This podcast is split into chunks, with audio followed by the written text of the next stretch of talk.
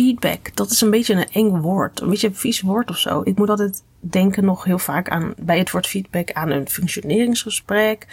Of kritiek of dingen die je niet goed doet. En dat simpelweg, um, dat is gewoon pijnlijk om aan te horen. Maar feedback hoeft natuurlijk helemaal niet negatief te zijn. Het kan ook volledig bestaan uit positieve dingen. En dat is iets wat we toch wel vaak vergeten. Dus vandaag wil ik je vertellen waarom je gaat groeien als je begint met het vragen naar feedback. En ik heb een manier voor je die het heel aantrekkelijk en zeker minder eng maakt om feedback te vragen. En hiervoor heb ik op het eind van de podcast nog een hele fijne tip. Dus zorg dat je tot het einde blijft luisteren.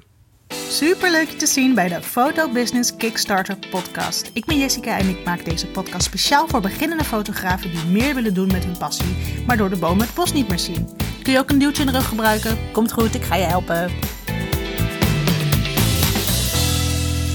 Jij als eigenaar van je eigen bedrijf en ook nog eens degene die alles uitvoert binnen dat bedrijf, um, maakt je al snel schuldig aan het dragen van oogkleppen. En daarmee wil ik zeggen dat je toch al snel een soort van tunnelvisie hebt of gewoon beperkte dingen meekrijgt omdat je zo diep in je werkzaamheden zit. Het is daarom wel goed om af en toe eens afstand te nemen en te kijken naar hoe alles verloopt binnen je bedrijf. Maar zelfs dan zijn simpele dingen soms lastig eruit te pikken. Daarnaast kan het uh, prima zo zijn dat jij denkt dat alles goed en prachtig verloopt, maar de mening van jouw klant kan daar behoorlijk anders over zijn. Want jij ziet het vanuit jouw kant en de klant vanuit die van haar of die van hem. En wat voor jou ontzettend logisch kan zijn, kan voor de klant totaal anders aanvoelen. En hoe fijn is het dan als jouw klant je dan kan helpen met, extra, um, met een extra set ogen eigenlijk. En jou kan voorzien daarmee van informatie over hoe uh, zij jouw product of dienst ervaren door middel van het invullen van een feedbackformulier. Die feedback is dus ontzettend waardevol omdat je door het vragen naar die informatie een heleboel belangrijke info zo op een presenteerblaadje krijgt uh, uitgereikt. En in het geval dat iemand verbeterpunten heeft voor een bepaald onderdeel van jouw dienst of workflow, dan kun je die direct toepassen en heel specifiek toepassen om jouw diensten te verbeteren. En ik snap echt hoor, wanneer iemand als feedback bijvoorbeeld heeft, ik vond je communicatie wat te weinig of wat minder, want ik wist niet goed waar we tijdens de shoot uh, aan toe waren bijvoorbeeld. Dat is gewoon kak. Want het, het, je, het voelt alsof je iets niet goed hebt gedaan. En dat is eigenlijk in wezen ook, um, in ieder geval zo, het is dat die klant dat zo heeft ervaren. En het voelt dan toch gewoon wel even als een soort van aanval op jezelf. Maar wanneer je nou zulke punten krijgt teruggestuurd, dan is het echt even noodzaak om tot tien te tellen. En het boze, uh, je onzekere of je, um, nou ja, je teleurgestelde gevoel even te laten wegglijden. En het om te zetten in actie laat je hoofd uh, dit niet winnen en vertel gewoon jezelf dat het krijgen van deze feedback betekent dat jij uh, dat direct kan gaan verwerken. En op dat punt kun je dus een nieuw plan gaan maken en jezelf verbeteren. Je kunt iets nieuws gaan implementeren of je kunt er in ieder geval gaan zorgen dat dat punt nooit meer genoemd gaat worden door een klant als feedback. Dus je kunt hier gewoon zo'n stap uh, in je bedrijf mee zetten. En vergeet natuurlijk niet na het ontvangen van zo'n feedbackformulier met wat er dan überhaupt ook is ingevuld, om je klant te bedanken voor het nemen van de tijd om kenbaar te maken wat zij vinden van de samenwerking met jou. Maar goed, het nut van feedback vragen lijkt me dus wel helder, maar hoe ga je dan te werk als je dat nog niet deed? Ik heb het zelf onderdeel gemaakt van mijn eigen workflow, zodat ik uh, structureel feedback kan gaan verzamelen. En concreet houdt dat eigenlijk in dat wanneer mijn klanten eigenlijk alles hebben ontvangen, dus de, de shoot is geweest, de digitale foto's hebben ze gehad en het album hebben ze ook gehad. Um, dus een beetje aan het einde van die klantenreis, dan stuur ik ze nog een mailtje met wat lieve woorden vanuit mij en de vraag of ze mij willen helpen door het bijgaande formulier in te vullen. En van een mailtje uh, als dit kun je, om het zo makkelijk te maken, ook een standaard mailtje schrijven die je dan opslaat als een soort van template. Want zo kun je uh, snel bij elke klant het template erbij pakken en dan kun je poef je formulier naar die klant sturen. Maar wanneer je dan een positief en prachtig antwoord retour krijgt, dan is het natuurlijk wel mooi wanneer je die gelijk kunt gebruiken als recensie op je website. En deze woorden van jouw klant kunnen namelijk andere potentiële klanten ervan overtuigen om bij jou te gaan boeken. Want dit geeft jou namelijk die zogenaamde social proof. Je bent zeg maar goedgekeurd door andere klanten. Dat is het eigenlijk wat, het, um, wat social proof inhoudt. En voordat je uh, zomaar stukken tekst gaat kopiëren op je website, is het wel zo netjes en eigenlijk zelfs verplicht om hiervoor toestemming te vragen aan je klant. En het slimst is om deze vraag voor die toestemming op te nemen in jouw feedbackformulier, zodat je niet nog een keer uh, een extra mailtje hoeft terug te schrijven om ook nog eens die toestemming te krijgen. Oké, hoe pak je dit praktisch aan? Uh, zodat het op een aangename manier voor zowel jou als de klant uh, de, de feedback bij je binnen kan komen. Oké, feit is dat wanneer je persoonlijk bent, krijg je veel sneller feedback retour. Want denk maar eens aan de automatische berichtjes van webwinkels met de vraag: beoordeel je product of laat je review achter. En als je dan niet reageert na een paar dagen, dan krijg je weer zo'n mailtje met uh, herinnering: reageer nu of beoordeel dit product nu. En nou ja, iedereen weet wel, ik gooi die in ieder geval nog veel harder weg dan dat ik deed bij het eerste mailtje. En dat zal iedereen wel een beetje hebben. Zelfs ondanks dat ik gewoon heel vaak blij ben met die aankoop hoor. Maar ik voel me gewoon niet echt verbonden met dat bedrijf. En dus besteed ik mijn super schaarse tijd liever anders.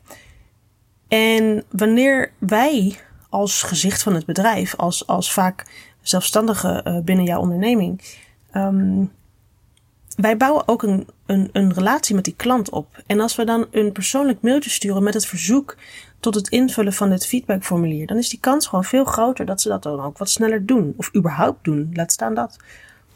Maar ik snap wel, om nog even terug te pakken op het stukje waar ik het natuurlijk had over een template, om zo snel mogelijk je bericht te kunnen sturen, dan zou je denken dat is toch heel ver af van persoonlijk zijn. Ja, in theorie wel. Maar wat je dan natuurlijk wel doet, is de namen aanpassen. En natuurlijk kun je altijd, je bent gewoon vrij om altijd een kort zinnetje um, betreffende die, die desbetreffende klant, zeg maar, toe te voegen aan dat mailtje. Het gaat er in ieder geval om dat je met zo'n template nooit meer het hele verhaal vanuit scratch hoeft op te schrijven, waardoor je überhaupt veel efficiënter te werk kan gaan. Je hoeft ook niet elke keer weer die link naar dat feedbackformulier te, uh, te kopiëren en te plakken, bijvoorbeeld. Maar goed, persoonlijk zijn. Stuur je dan nog een reminder achteraf? Nou, ik doe dat zelf amper, omdat ik weet hoe vervelend ik het persoonlijk vind wanneer ik de reminders krijg voor het invullen van die recensie. En um, dat komt dus ook. Komt ook zeker wel voor dat ik van klanten geen reactie meer ontvang. En dan laat ik het eigenlijk vaker zitten dan dat ik er nog een keer achteraan ga. Omdat ik gewoon niet die positieve herinnering um, wil afbreken, zeg maar, die ze dus hebben van uh, de dienst bij mij en de relatie met mij, zeg maar, door mijn gezeur om een recensie. Omdat ik, nou ja, het voorbeeld wat ik, wat ik net al gaf over die, um, als je schoenen hebt gekocht, of, uh, of misschien een ander voorbeeld, kleding, laat je recensie achter, dit en dit en dat ja, ik ben er gewoon heel voorzichtig mee. En ik vind, um, ik vind het gewoon de, de, fijnste manier om daarmee om te gaan. Maar dat is natuurlijk persoonlijk. Hè? En misschien kun je bijvoorbeeld aan het eind van het jaar alle mensen die nog geen recensie hadden ingevuld, nog persoonlijk mailen met een nieuwjaarswens. Weet je, dan heb je een soort van, een soort van, eh, ja, ja, een smoes wil ik het noemen. Dat, dat, dat vind ik eigenlijk al de verkeerde insteek. Maar um, ja, zo'n nieuwjaarswens dat je er toch nog even aan ze denkt. En hoe leuk het afgelopen jaar was. En dat je misschien nog kan terugpakken naar um, het binnenharken van zo'n recensie. Weet je, dat zou je bijvoorbeeld kunnen doen, maar je moet daarvoor gewoon goed zelf kijken of dat past bij je en, of dat, en, en, en hoe dat op dat moment aanvoelt. Hoe je een feedbackformulier kan sturen, dat kan je natuurlijk gewoon via de e-mail doen als een link naar je formulier um, op je website. Of bijvoorbeeld naar een Google Form pagina waar je een formulier, hè, als je bijvoorbeeld niet een formulier op je website kunt zetten, um, dan kun je bijvoorbeeld ook in Google Forms gewoon een soort formulier maken uh, waar mensen dat dan kunnen invullen. Dat kun je ook gewoon via een link dan invoegen in je e-mail. Maar je kunt natuurlijk ook gewoon het gemakkelijk in een Word-bestandje zetten, de, de vragen die je wil stellen. En die gewoon plakken um, in de inhoud van je mail desnoods ook nog. Uh, en dan kun je gewoon vragen of ze die weer uh, ingevuld willen terugsturen. Want het hoeft niet heel moeilijk te zijn, zolang het maar op een aangename manier gebeurt. Ga je dan aan de slag met het maken van je feedbackformulier, ga dan niet zitten op vragen als hoe vond je de communicatie? Geef een cijfer van 1 tot 10. Dat is niet heel persoonlijk. En weet je, je wilt, wat heb je daar dan aan? Wat was dan goed? Wat was dan minder goed? Waarom was het dan wel goed? Waarom was het dan niet goed? Met dat cijfer, ja, probeer mensen aan het praten te krijgen. Stel ze bijvoorbeeld open vragen en stuur ze de richting op die jij wil horen. Ik wil best namelijk wel graag weten waarom ze voor mij gekozen hebben ten opzichte van al die andere fotografen. Stel dan bijvoorbeeld zo'n vraag. En als ze dan zeggen, omdat je lekker goedkoop was, dan weet je dat je ook uh, je prijzen gelijk kan aanpassen, zeg maar. Je hebt daar simpelweg gewoon veel meer informatie uh, kun je daaruit halen dan, dan dat je zegt: geef mij een cijfer. Ja, oké, heel leuk. Het was een uh, 6. Daar wil je eigenlijk gewoon heel veel meer achter weten. En we gaan gewoon voor die 10 natuurlijk. Maar even hierop voortbedurend. Ik had het natuurlijk in de intro over een hele fijne tip uh, voor je feedbackformulieren. En die is als volgt. Want mocht je nou zoiets hebben van ja, dit is toch wel waardevol om mee aan de slag te gaan en om te verwerken in mijn workflow. Maar aan de andere kant heb je al 6000 dingen uh, op je to-do-lijst staan, wat ik heel erg herken. Dan heb ik misschien wel een oplossing voor je. Want ik heb namelijk de manier waarop ik mijn klanten vraag naar feedback. Die heb ik helemaal uitgeschreven. En die kun je wat dat betreft zo kopiëren en overnemen.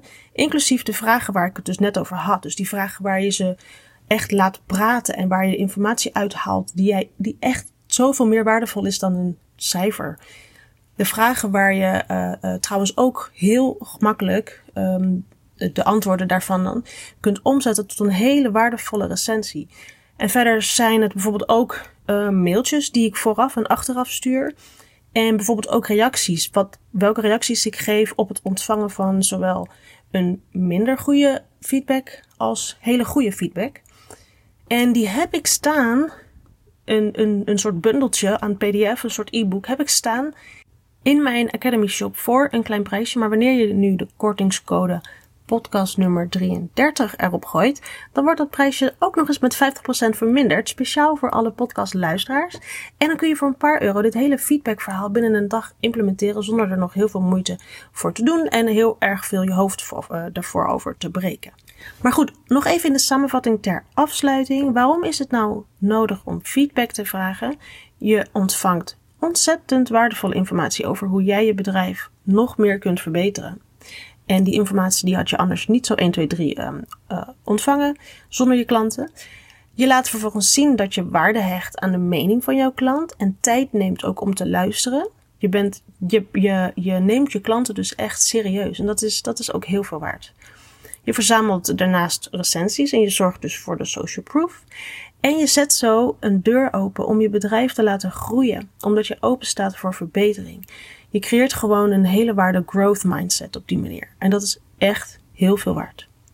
Goed, dit was de uh, podcast voor vandaag. Vergeet dus niet die kortingscode podcast nummer 33. Hij staat ook in de show notes, dan kun je zien hoe je hem schrijft. Uh, die kun je dus toepassen als je in de shop um, dat bundeltje van uh, feedback, formulieren en mailtjes zou willen aanschaffen.